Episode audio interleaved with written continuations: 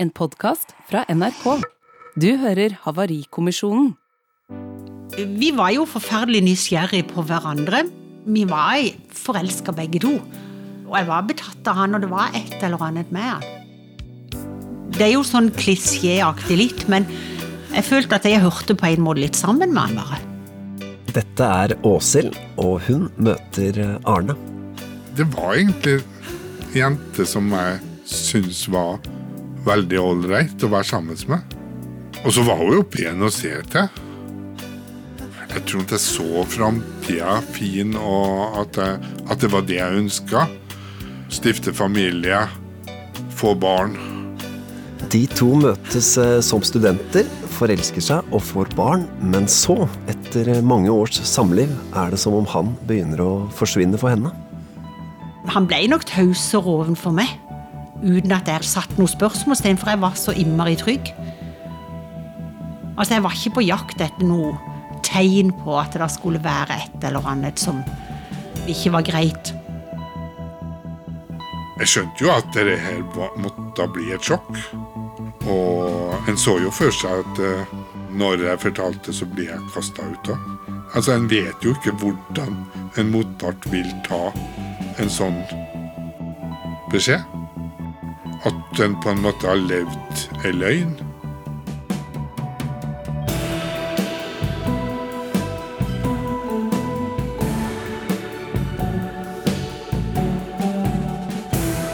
Dette er Havarikommisjonen. Jeg heter Eivind Sæther, og sammen med psykologene Katrin Sagen og Sindre Kvitil Aasli skal jeg dykke ned i det som en gang var en lykkelig kjærlighetshistorie, og prøve å finne ut hvorfor forholdet havarerte. Havarikommisjonen. Og Sindre. Leve på en løgn. Ja. Det høres eh, heftig ut, dette. ja, veldig. Ehm, Her kommer det jo en bombe. Jeg vet ikke hva den bomben er enda. Ehm, Men det er i hvert fall en bombe som høres ut som gikk av i fjeset på henne, fordi at hun kjente seg egentlig tryggere i parforholdet enn hun hadde grunn til. Katrin, hva tenker du at vi skal inn i? Det er i hvert fall et eller annet han eh, har oversikt over, eh, som han ikke har fortalt henne, som han anser som så grusomt at han vil bli kastet ut hvis hun får vite om det. Vi skal bare hoppe i det. Eh, La oss begynne med starten. Året er eh, 1983. Det er sol og sommer. Vi er i august. Oslo er på sitt aller vakreste, og midt i alt dette møtes to lærerstudenter. Åshild og Arne. Jeg husker bare at jeg la merke til Altså, jeg har en sånn minne om en lyseblå genser og litt for spisse sko og dongeribukse. Og Veldig blid, veldig åpen. Og så var hun jo pen å se til. Ikke langt hår, men litt lang nakke. Og hva heter det når du får sånn krøller, men eh, Permanentkrøller! Det husker jeg veldig. Og så hadde hun veldig fine skjorter og gensere som jeg lånte etter hvert, faktisk. Og jeg tror nok vi hadde flørta, og spesielt Arne hadde vel flørta med meg. Vi var forelska begge to. Og så husker jeg vi hadde eh, kjøpt billetter på Chateau Neuf. Det var bare vi to. Det var på musicalen her. Det er jo en fantastisk musical, egentlig. Som vi likte veldig godt musikken av. Men vi skjønte ikke helt helt story. Jeg tror vi må ha vært litt opptatt av hverandre under forestillinga òg. Fordi at i pausa så trodde vi at det var ferdig, så vi var på vei til å gå hjem. Det er en sånn ting som, som jeg husker veldig godt. Vi hadde veldig god kommunikasjon ganske fort. Vi hadde vel egentlig like tanker om ting som øh, det vi var opptatt av. Vi, vi hadde vel kanskje en ganske lik bakgrunn. Vi øh, Vi har vel alltid egentlig hatt litt samme humor, kunne ledd sammen, kunne vært alvorlige sammen. Han var litt ei annen side av meg sjøl. Vi har alltid snakka forferdelig mye, og vi har alltid forstått hverandre veldig godt. Jeg tror det var ganske fort på våren og vinteren det første studieåret. Det glei ganske automatisk i at vi ble et par. Det var bare et eller annet med han som harmonerte veldig med meg. Hun var veldig utadvendt, jeg var veldig innadvendt. Jeg likte nok tosomheten og likte ikke sånne voldsomme samtaler rundt. Jeg holdt meg litt taus. Ikke bare litt, ganske mye. Til stor irritasjon for oss selv. Nå prater han jo. Nå prater han. Men han gjorde ikke det med en gang jeg pra eh, traff han. Så var han veldig stille og inneslutta. Sindre, det er noen forskjeller her. Eh, Den ene utadvendt, den andre mer innadvendt. Eh, Og Arne sier om seg selv at han er eh, litt taus. For meg så kan det jo høres ut som at han var både taus og ikke taus. Jeg får inntrykk av at han ikke var så taus når ting kjentes ufarlig ut for han, fordi de lo jo mye sammen og passa godt sammen, var som to puslespillbrikker som passa godt sammen på mye. Ja. Men så er det et eller annet her. Men, men er det sånn at taushet eh, i et forhold kan være en bra ting også? Ja, men Hva er en fin taushet, da? Det er jo det som vi, veldig mange drømmer om når de skal få seg kjæreste, å ha en Vi kan bare være stille sammen. Bare, vi trenger ikke å snakke sammen. Det er jo den fine tausheten. Men det er jo no, en helt annen taushet enn den du kjenner det knyter seg i nakken av. Nei, for jeg er jo sånn, jeg kan, kjenner jeg blir litt stressa av taushet. Da føler jeg at det nå, hvis det blir for taust for lenge, Da prater du. ja, da må jeg liksom Ja, men da må jeg inn og røre i gryta. Ja.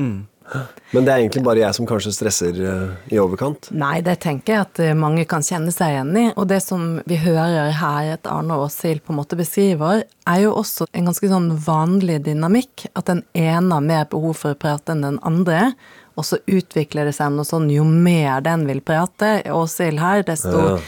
mer invaderende kjenner på en måte Arne det kanskje da, så da trekker han seg mer tilbake.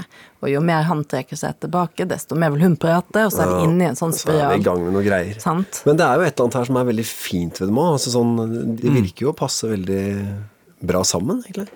De her to virker jo veldig som et sånn par som speiler seg i hverandre og ser seg selv, og det er jo veldig godt. Eh, så mye at de kan bytte klær og tulle og liksom Ja, høres jo veldig fint ut, som en sånn eh, fin forelskelse. Sånn bunnsolid eh, begynnelse på parforholdet, i hvert fall. Vet du hva? Dette tenker jeg vi bare skal fortsette å se på hvordan uh, utvikler seg. Vi går tilbake til paret vårt. Arne og Åshild de bestemmer seg for å gifte seg. De drar på bryllupsreise til Hellas. Og så, når de er hjemme i Oslo igjen, så tar de en eh, stor og fin beslutning. Når vi kom hjem, så gikk vi en tur rundt Sognsvann og så mange småbarnsforeldre, særlig med sånn eh, barnet på skulderen i sånn bæremeis. Sånn vil jeg gå òg, sa jeg bare. Så det var bare et innfall. Jeg vil lage barn. Ja, kanskje det, ja. og da var det ikke noe tanke for at det var kanskje smart å vente til jeg hadde en fast jobb. Og fikk egentlig permisjon eller noe sånt. Nei, men da Det hørtes kult ut. Ja, så gjør vi det. Eh, Så litt, litt impuls. Og Åshild ble jo ei veldig, veldig god mamma. I det daglige så var vi bare vi. Og det var nok slitsomt for oss. Jeg hadde dobbel jobb for å på en måte greie det med å eie egen leilighet, og det Og da når han jobba både morgen og kveld og alt, og jeg gikk hjemme med en liten unge Jeg var veldig sliten, og jeg var veldig frustrert. Vi sleit nok litt på hverandre, som de fleste gjør når livet endrer seg totalt. Og den ene skal på en måte ha et ansvar hjem, og, og den andre er nesten ikke hjem. Vi hadde kanskje forventninger til hverandre som vi ikke helt klarte å tilfredsstille. Nei, vi var egentlig Vi har ledd av det ofte etterpå, for vi var, vi var veldig uenige om noe, og da var jo han den typen Da hadde ikke han lyst til å prate. Og jeg ville prate, så da, da hadde vi lagt oss, og så prøvde jeg å begynne å prate, og han ville ikke prate, så han sto opp og tok på seg morgenkåpa og gikk ned. Jeg sto opp, tok på meg morgenkåpa og, gikk etter. Han gikk på kjøkkenet. Når jeg kom på kjøkkenet, så gikk han i stua, og sånn holdt vi på helt til vi begynte å prate. og, så det er jo litt sånn Men, men da, da var det vel litt alvorlig for oss begge to. Det er liksom den eneste gangen jeg kan huske at vi hadde alvorlige krangler. Jeg vil si at vi har egentlig vært flinke til å være kjæreste, og vi var flinke til å ta vare på hverandre. Mine foreldre tok jo barna til overnatting enkelte helgekvelder. Men det som vi gjorde da, det var å kose oss hjemme. Det var det vi ville. Det var det vi hadde behov for i den perioden. Og folk rundt oss, de syntes vi var rar. Når vi da sier på jobb og så videre at i helga har vi hatt barnefri. Og hva gjorde dere da, liksom? Nei, vi koste oss hjemme. Det kan jo høres veldig sånn rosenrødt ut, men vi hadde det jevnt over veldig bra. Fordi om han kunne være stille, så tenkte jeg ok, vi klarer alltid å snakke om det. Vi klarer alltid å komme videre. Vi klarer alltid å ordne opp i ting. Åshild er 14 dager yngre enn meg. Sånn at um, det var naturlig å feire våre felles 40-årsdag. Da hadde vi jo invitert venner. Det var i boligen som vi hadde pussa opp og gjort det vårt. Og så var det søsknene mine som kom, og søsken til Arne, kollegaer og venner. Altså Arne kom jo med den sangen 'Du' av Bjørn Alfseius. Du er min elskling, du er min venn. Du er den som gjør meg glad. Du er den som gjør livet, og så videre. Og den sangen var min hilsen til Åshild i den 40-årsdagen. Og jeg husker veldig godt det øyeblikket når han kom og skulle spille den. Jeg opplever at det var oppriktig når han sa at jeg håper at jeg kan få lov til å leve sammen med deg de neste 40 årene òg. Og det var liksom ikke noe tvil. Det var det vi skulle. Selvfølgelig skulle meg og han være sammen. Jeg husker ikke helt om prosessen var satt i gang hos meg da. Men var i hvert fall ikke kommet så langt at jeg ikke så for meg at vi skulle fortsatt være et par og være Åshild Arne fram til en av oss døde. Det var nok fortsatt oss to, og det var hun som var livet for meg. Her merker vi jo at det, er, eh, at det er noe på gang. Det er noe som skal eh, komme. Men jeg tenkte at vi aller først kunne snakke om dette at den, den ene så gjerne vil kommunisere, og den andre liksom stritter imot. Det er jo kanskje en sånn eh, dynamikk som mange kjenner seg igjen i. Ja, den morgenkåpemarsjen uh, som de holder på med, den, den er jo kjent i Det er en klassiker i, på i mange millioner hjem, uten at det er noe stort, eh, noe stor hemmelighet som skal fram. Hvem er det som pleier å marsjere først? Ofte det Mannen? mannen Ja. Det er, bare, det er, det er et veldig levende bilde. Ja, Unnskyld, fortsett. Nei, altså, eh, jeg bare tenker på at jeg tror i eh, det første eller andre setninga jeg hørte Arne, så snakka han om å stifte familie. Og det er han eh, rundt Sognsvann som eh, går- er pådriver for at de skal lage barn. Det skjønner jeg hun blir kjempeglad for, hvis han vanligvis er den tause og hun tar mye inch, og så er det han som eh, er på for at de skal lage barn. Mm, Skikkelig bekrefter det. Ja, og de har et utrolig godt vennskap, de to. De trives så godt i hverandres selskap. Det er jo veldig lett å høre at han ønsker å dele resten av livet sitt med henne, på tross at vi vet at det er et eller annet som kommer Ja, sant? For nå skal jeg inn og være han litt uh, kjedelige programlederen som sier at noe ulmer her. Et eller annet kommer. Det ville ikke jeg. at Ja, men skal- dit skal jeg. Og vet du hvorfor? For jeg vil snakke om en ting Ja. som jeg syns er veldig spennende. Jeg vil snakke om hemmeligheter. Eh, holdt på å si, er det, er det lov å ha hemmeligheter i et parforhold? Ja, det er lov å ha hemmeligheter. i et Hvor parforhold. store kan de være? Jeg tenker at det, man ikke bør ha hemmeligheter som kan true parforholdet. Det er ikke gode hemmeligheter for et parforhold.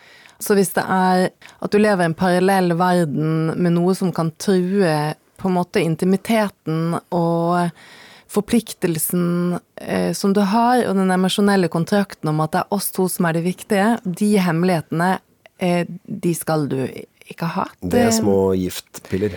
Ja, og det er rett og slett farlig for parforholdet. For det kan, det kan hvis, hvis, du har sånne type hemmeligheter, de kommer for en dag, så er det ikke sikkert at parforholdet overlever det. Vi er jo alle opptatt av ærlighet. Ærlighet er jo et fint ord. Det, mm. det blinker bra i hodet. Mm. Uh, men alt trenger Unnskyld at jeg avbryter deg, ja. for jeg følte at jeg kanskje sa det litt sånn Det er lov å ha hemmeligheter. Ja, det må jo være lov. Og, ja, selvfølgelig. Ja, vi har jo en privatsfære som bare er vår. Er det, det kan være sunt? masse sunt, fint og deilig med masse hemmeligheter. Så lenge de Fantasier okay. som man ikke lever ut, men som man driver Ja, mm, enig. Okay. Mm. Men det som på en måte Hvis du lever sånn at det er truende for den kontrakten du har med ja. partneren din, som du har lovet noe som kun det paret vet hva er, Jeg skjønner. da er det ikke bra. Ja, ikke bryt kontrakten, men ha gjerne litt hemmeligheter. Ja. Eh, hvis du snur litt på det, da, mm. og du føler at eh, det er et eller annet som partneren din skjuler, det er et eller annet bak den uh, tausheten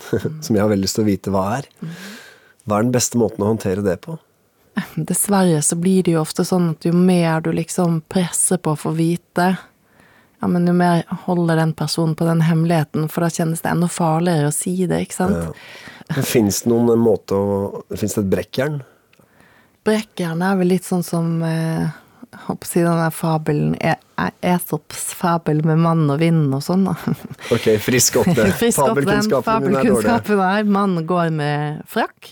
Vinden og solen krangler om hvem som får frakken først. Vinden tenker at 'jeg klarer dette, la meg prøve først'. Ja vel, sier solen. Så blåser vinden hardt og sender hagl og vind, og mannen bøyer seg og drar frakken nærmere og nærmere kroppen sin. Altså, klarer jeg ikke vinden det? Jeg var ikke noe styrke klar, Orka ikke mer. Så sier solen ok, da prøver jeg. Og så eh, smelte hun på masse varme, og så gikk frakken av med en gang. Ah, så masse varme? Masse varme. Men å løpe etter noen i morgenkåpe eh... ja. Så når man holder på med morgenkåpemarsj, ja så er det Det er et veldig bra ord, Sindre. Jeg ser ja. du er fornøyd med det. Ja. Morgenkåpemarsj. Ja. Da eh, er det kanskje det nyttigste å klare å heve blikket og mm. se litt på hva er det som foregår mellom oss akkurat nå. Så én må rope stopp. Nå går vi over til vi.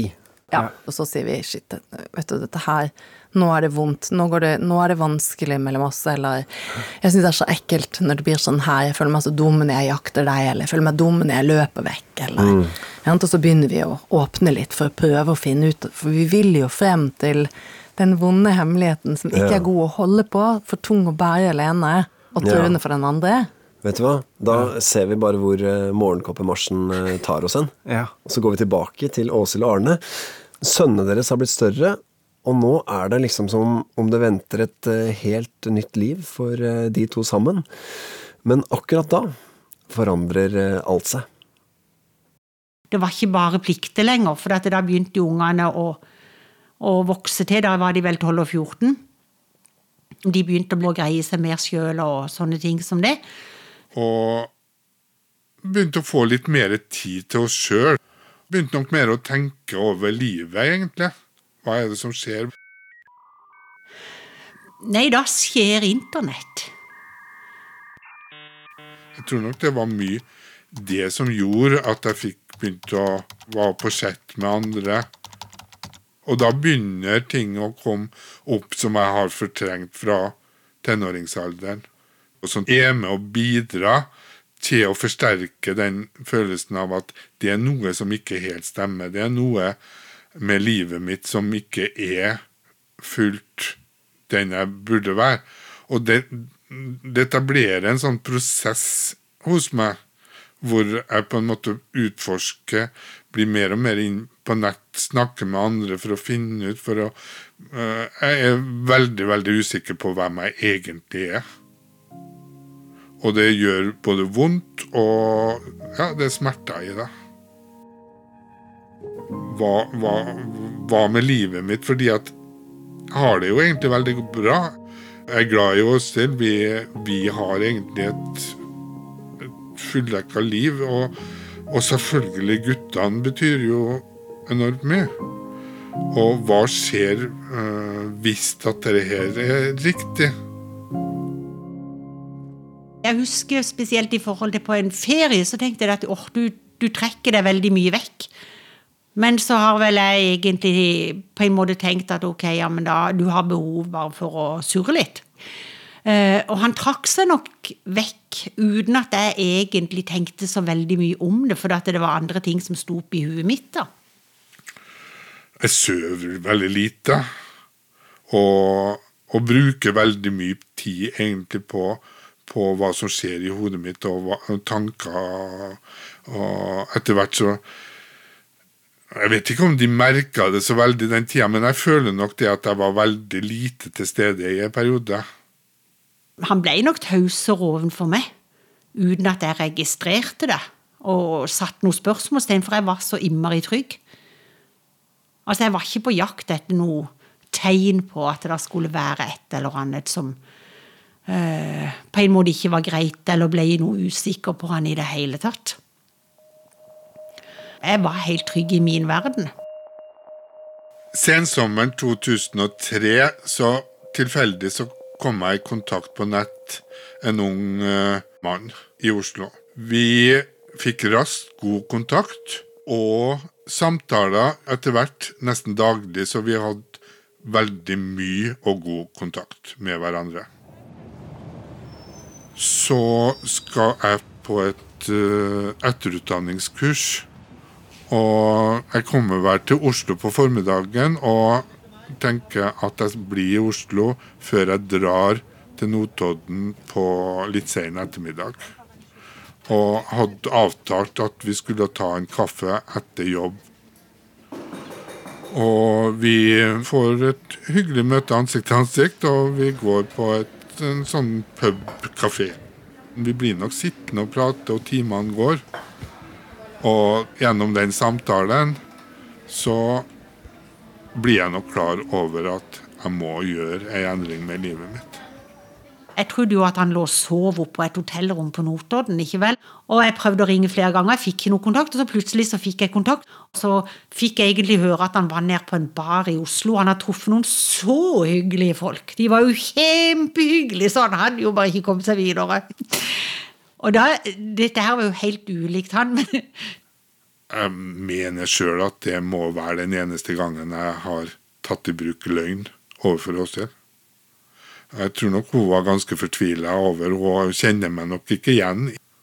Jeg kjenner jo på samvittigheten av hva jeg forteller i telefonen, for at det er ikke meg i det hele tatt.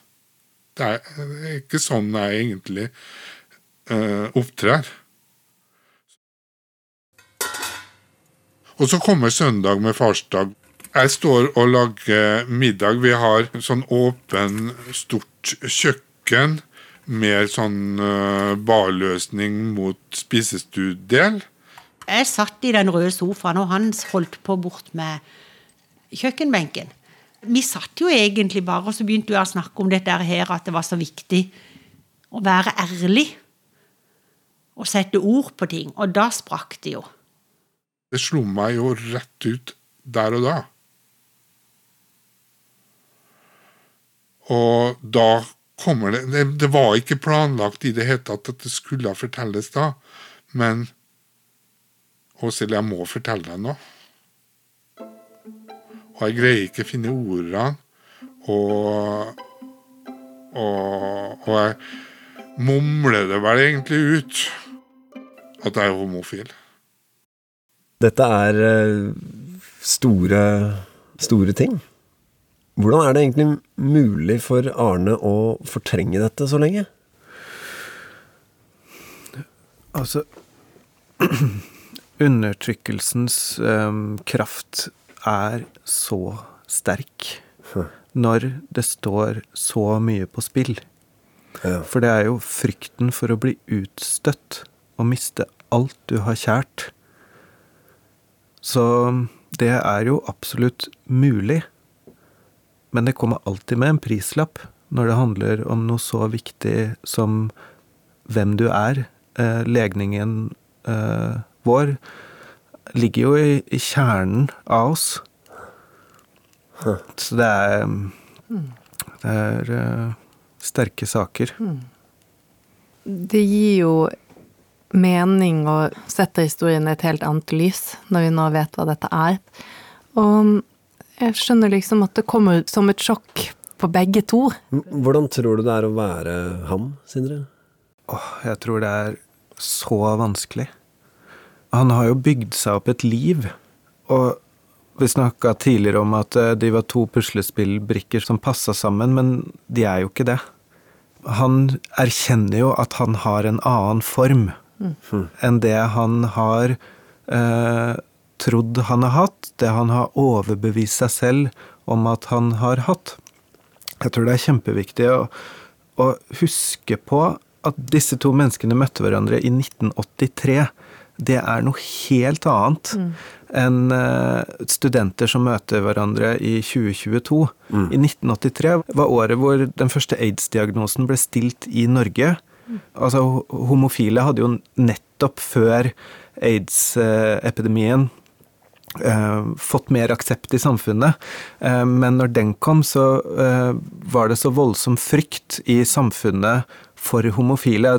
Så det er jo i hvert fall ikke noe som hjelper en å finne frem til hvem man er. Du sa, Sindre, at det kommer alltid med en pris. Hva skjer når vi undertrykker følelser? Det kan skje forskjellige ting.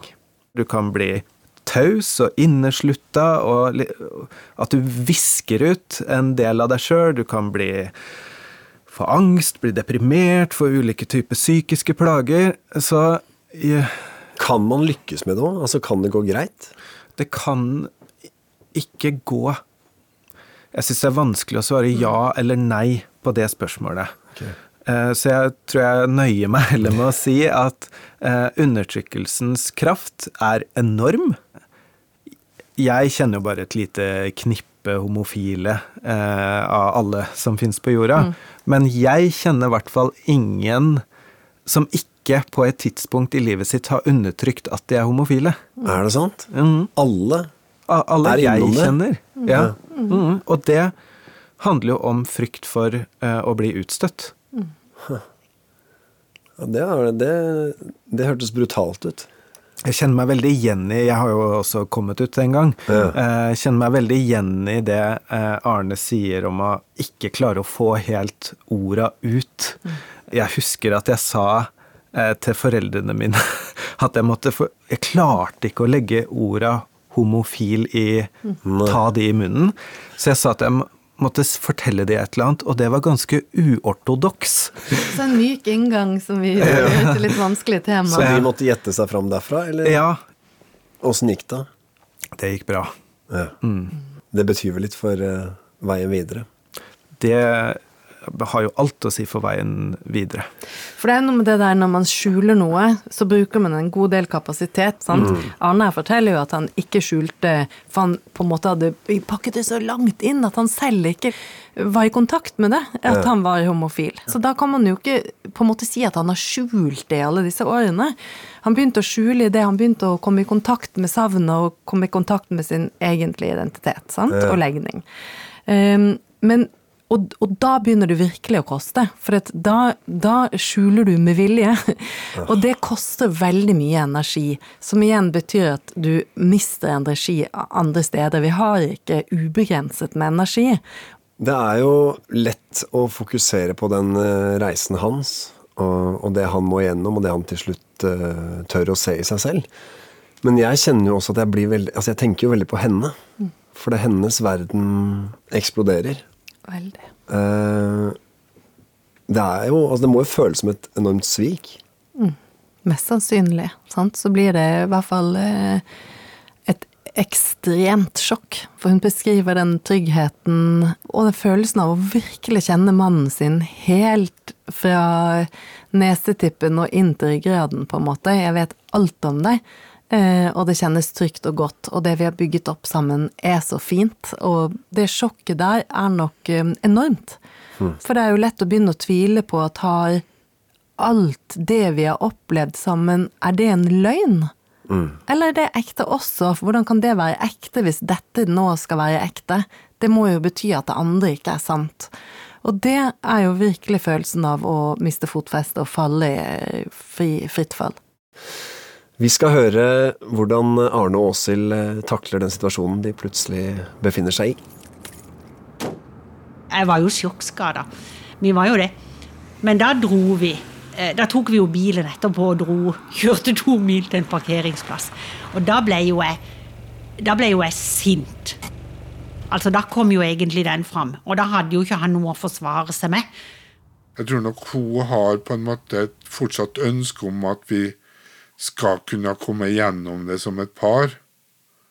Og at det kanskje ikke er at jeg er homofil. Og at det er sånne ting vi må finne ut. Hun må på en måte ha svar. Hun, øh, hun tenker bare sånn umiddelbart at hvor lenge har jeg gått liksom med, og hvorfor har jeg ikke fortalt om det før? og Det var jo da jeg satt med den følelsen at eh, hva er det jeg ikke har forstått her i livet? Hva er det Det må jo være noe feil med oss, egentlig, som opplever dette her.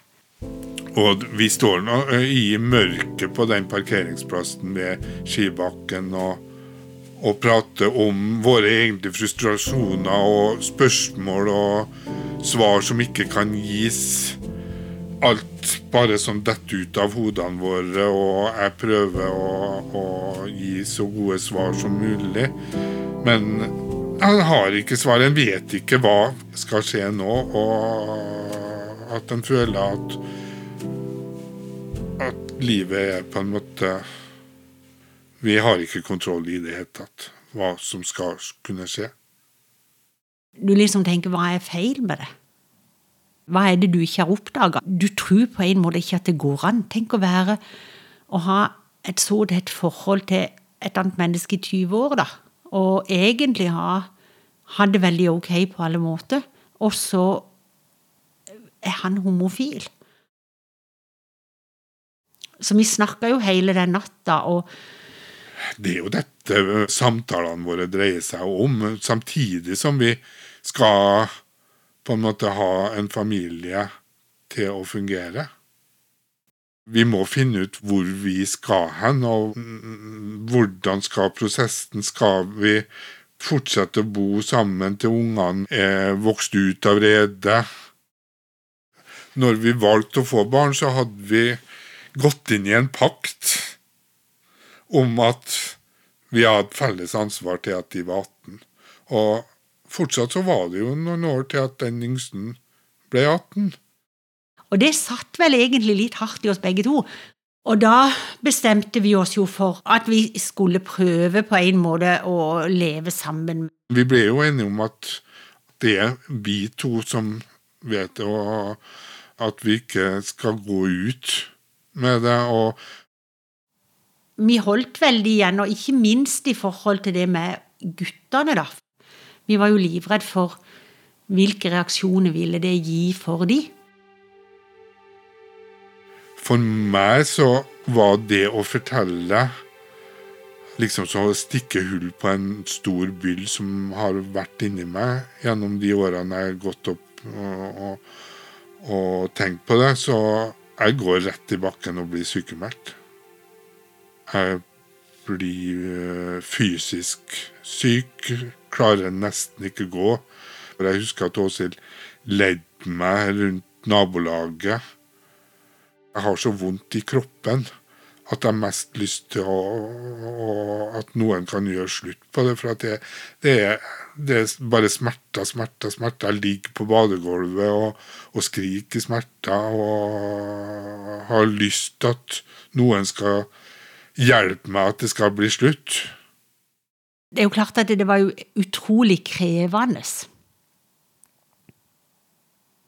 å stå i den situasjonen. Følte at vi hadde veldig behov for hverandre. Vi hadde veldig behov for å gå hånd i hånd. Vi hadde veldig behov for å sitte i armkroken, veldig behov for å ligge tett. Veldig behov for bare å vite at den andre var der.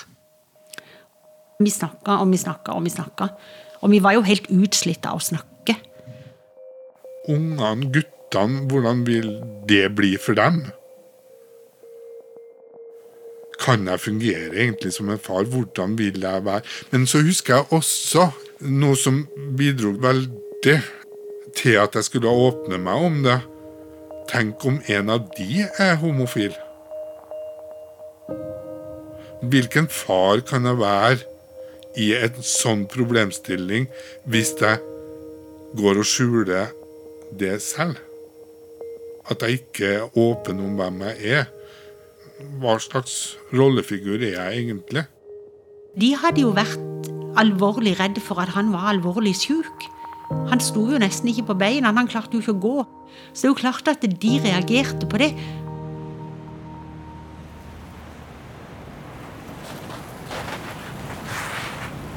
Så i jula det året så finner vi vel ut at ungene skal få vite. Da forteller hun meg at nå har jeg funnet et tidspunkt, nå er jeg klar til å fortelle det til barna. Og om det var andre, tredje juledag, det vet jeg ikke, men vi hadde i hvert fall leid film. Og så skulle jeg gå tilbake til den derre videosjappa som det var den tida, og levere tilbake filmen. Og gå en tur rundt byen. Og så ringte han. Så sier jeg at ok, nå har jeg fortalt det til ungene. Og da får, da får jeg vondt. Hva skjer nå? Jeg sto i en park.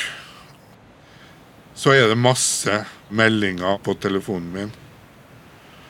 Og det er jo guttene som Da jeg sendte meldinger, så sto det 'Jeg er glad i deg'. Sindre, du holder hånden til brystet. Hva er det du, hva er det du tenker på?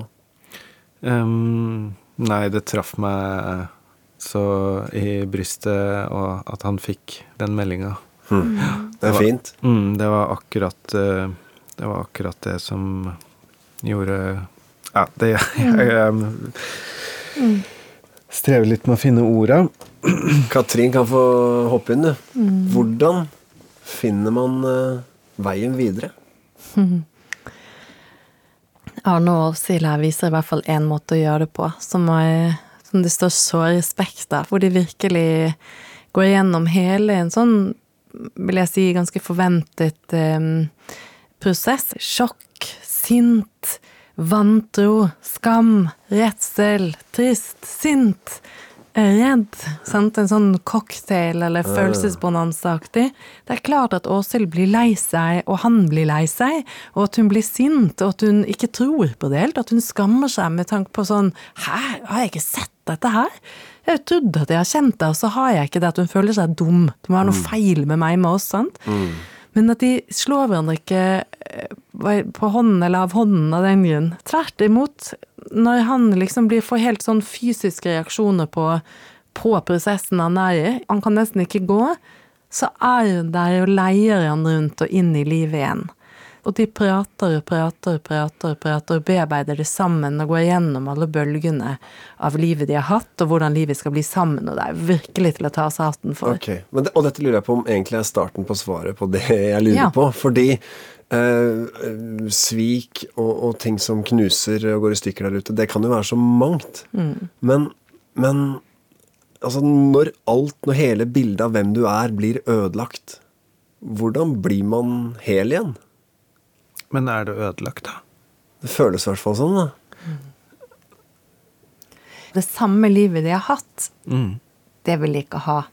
Men at livet som livet er ødelagt, det er det ikke. For det livet de hadde Her var det ingen som, som svek noen med vilje. Men det livet de hadde, det var jo ikke helt sant. Eh, Jeg kan skjønne at det kan oppleves som at kanskje Arne føler seg nærmest sveket av seg selv. At Åshild føler seg sveket av livet, kanskje. Høres ikke ut som at hun føler seg direkte sveket av Arne. For at han, han er jo en pålitelig og troverdig type. Han har jo ikke løyet til henne, som han sier. Det er én løgn, det var den på baren da det gikk opp for henne at 'jeg er homofil'. Sant? At han måtte bearbeide det før han kunne fortelle henne det og skjønne omfanget på en måte av det selv. Sant? Så dette her er det jo ikke masse løgner og bedrageri og svik i denne historien. Det er mer livet var helt annerledes enn vi trodde. La oss eh, se hvordan det går, da. Forholdet mellom Åshild og Arne kan kanskje aldri bli helt det samme. Men eh, det de spør seg om nå, er hvordan de skal leve livene sine, og om det egentlig er mulig å gjøre det samme. Jeg var jo lei av å høre hvor viktig det var å være på internett og ha kontakt med andre. Altså Det ble jo på en måte det som var det aller viktigste for han. Jeg følte at det ødela en del hjemme, da, etter at vi visste det. Um, og det var jo òg sjalusi. Det er jo helt logisk at det da var sjalusi fra min side. At han liksom plutselig Oi, han fikk ei melding og ble veldig opptatt, kunne avbryte midt i ei setning. og så det er jo klart at det er jo tøft å forholde seg til når du bor sammen. En så jo for seg at, eh, at eh, når jeg fortalte, så blir jeg kasta ut òg. På dør med en gang. Altså, en vet jo ikke hvordan en motpart vil ta en sånn beskjed. At en på en måte har levd ei løgn. For det er jo Altså uansett om jeg hadde fortrengt det, så har jeg jo gått inn i et liv og tatt på en måte år fra hennes liv. Jeg kunne jo ha sånne raptuser. Som at jeg ble sint, og at jeg liksom orka ikke å ha han i nærheten. Og vi måtte ha avstand, for vi fikk jo ikke puste. Vi hadde jo snakka så mye om dette her opp og ned, og var, alt var hjemme hos oss var jo bare homo. Uh, så jeg husker jo liksom det jeg tenkte at altså, hallo, jeg er her òg. Men hele huset var jo bare homo, følte jeg da. Det var jo helt forferdelig den våren. Men det er jo en sånn prosess som kommer gjennom vinteren, tidlig vår. At uh, vi på en måte vi, vi klarer ikke det å holde familien sammen. Det var ikke realistisk. Vi klarte det rett og slett ikke. Altså, I det øyeblikket som han erkjente at han var homofil, og jeg egentlig visste det, så forandra jo hele livene våre seg. Jeg har vel egentlig ikke opplevd at han har gjort dette av vond vilje. Selvfølgelig så kunne han ha jobba med dette mer når han var i ungdommen, og kanskje ikke endt i den situasjonen som han var i. Hvis han hadde turt å være åpen når han første gang kjente på disse her følelsene for kjempemange år siden. Men sånn ble det ikke. Og han har, jeg har aldri Jeg har på en måte aldri klandra han. Jeg er i hvert fall veldig glad for de årene Åshild og jeg var familie. Og det er jo klart at det å ha to, to flotte sønner sammen nå to barnebarn. Det er jo vårt prosjekt. Vi sier jo det at vi er livspartnere. Han er livspartneren min fordi at vi har delt både gode og vonde ting. Og jeg tenker det er jo ingen som forstår meg så innmari godt som det han gjør.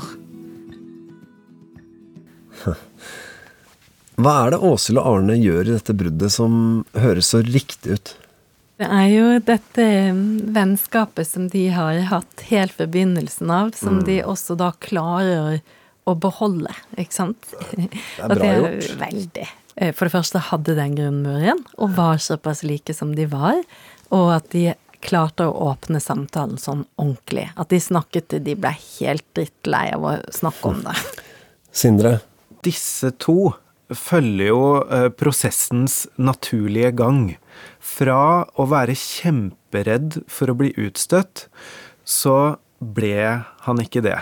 Og da også fra å være fysisk kjempesyk Medisinen er jo aksept mm. mot å, å, føle seg så syk. Eh, så kommer jo han i en slags pubertet nummer to. Og da kommer jo all eh, kraften som en pubertet gir. Fordi at han har jo Det er helt uoppdaget for han eh, hvem han er når han er i kontakt med den viktige siden av seg sjøl.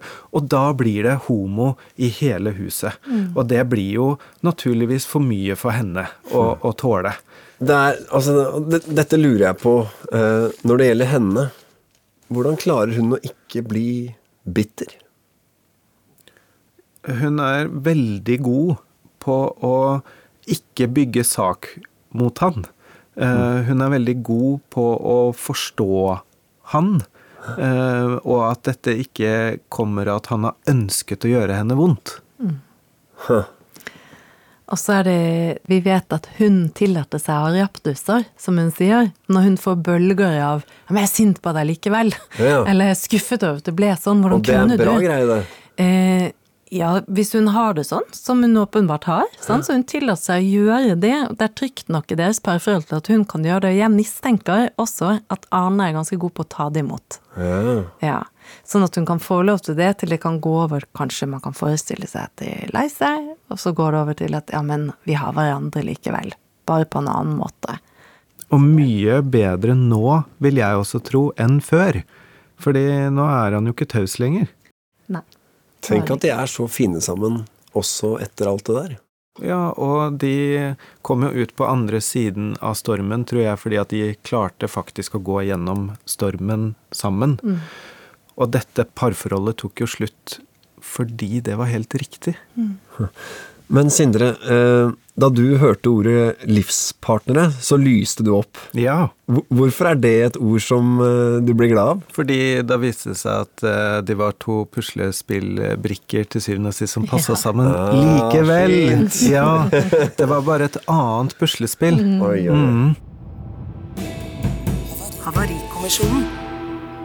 Arne og Åshild, nå er det deres tur. For nå har dere fått lov til å, å høre hva kommisjonen eh, har sagt om forholdet deres. Åshild, eh, hva er det du sitter igjen med? Hva, hva tenker du om det du har fått høre? Jeg kjenner meg veldig igjen i det de sier. Eh, og jeg syns at de Jeg syns det er veldig godt med måten som de drar ting og normaliserer. Og jeg, jeg føler at jeg opplever en forståelse som er god fra de parterapeutene. Ja. Høres det riktig ut, Arne? Ja. Jeg syns spesielt kanskje da når de hadde fått rede på hva det var for noe, og Sindre begynner å snakke om eh, spesielt det med at han sier at han kjenner ingen som ikke har fortrengt. Ja. Det, og det Det tror jeg jo helt riktig på. Ja. Jeg syns det blir sterkt igjen å høre det. ja. Det på en måte kommer opp igjen. Jeg er veldig opptatt av det med skam. ja. Eh, For det fulgte oss veldig, veldig lenge. Den der skamfølelsen og det at du, du opplever på en måte altså du, noe som er unormalt og, og er litt, litt merkelig. Så jeg, jeg tenker det at jo mer vi kan prate om det, jo mindre skam blir det i samfunnet. Men til eh, oss andre som kaver rundt i våre, eh, i våre forhold, i våre parliv. Har dere noe sånn, dere som har litt erfaring, da? Har dere, har dere noen gode råd? Snakk sammen. Ja, det er det parterapeuten pleier å si. Nei, men vi hadde, jo, vi hadde en annen òg helt før vi gifta oss, som, ja. som, som er litt eh, Vi sa det at eh, ok, når vi steker egg, så gir vi den andre den med hel plomme. ja. Ja. Ja. Altså går en av de i stykker, så tar du den sjøl. Det er jo veldig koselig. Ja, men et, altså hvis du steiker like mange egg, og dette handler jo ikke om å steike egg og spise Nei, dette speile. handler om raushet. Dette handler om at hvis du prøver å gi den andre det beste, Ja. og begge to gjør det, så blir det jo akkurat samme resultat til slutt allikevel. Jeg får like mange gode, men da blir det gitt av han. Og jeg tror faktisk at det er litt viktig å Ja, gi ja. den der hele plomma Det er ikke rart, til den du bor sammen med. det er ikke rart at dere to ble livspartnere. Takk til Arne og Åshild for at de delte sin historie. Vil du spørre våre parterapeuter om kjærlighet, sex og parforhold? Send spørsmålet til havarikommisjonen krøllalfa nrk.no. I neste episode av Havarikommisjonen møter du Aslak og Camilla. Klart Hun kunne sikkert være litt oppgitt av meg som eh, glemmer ting og ja. Jeg gleder meg så til jeg blir 40, og så kommer han liksom hjem med en melkesjokolade og et par ullsokker fra Rema 1000 på kvelden. Denne episoden av Havarikommisjonen er laget av Maja Østerud og Caroline Møller. Lyddesign Lillian Grønning. Vignettmusikken er laget av Kloroform. Redaksjonssjef er Randi Helland, og mitt navn er Eivind Sæther. Podkast fra NRK. Hei, jeg heter Torfinn Borchhus. Gal og genial er historier om vitenskapens største og gærneste genier. For eksempel Nikola Tesla, som syntes det ekleste i hele verden var øredobber og hår. Men som sørga for at du har strøm i stikkontakta di i dag. Gal og genial hører du først i appen NRK Radio.